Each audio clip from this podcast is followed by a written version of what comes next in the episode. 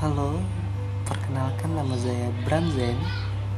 Saya berasal dari kota Bandar Lampung, tepatnya di Provinsi Lampung.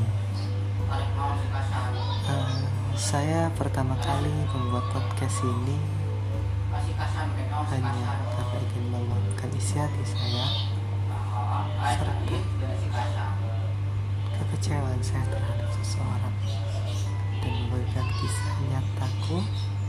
selama tujuh tahun. Aku tidak tahu apa yang akan terjadi selanjutnya, tapi di sini aku akan menceritakan semua kebahagiaan yang telah lalui bersama.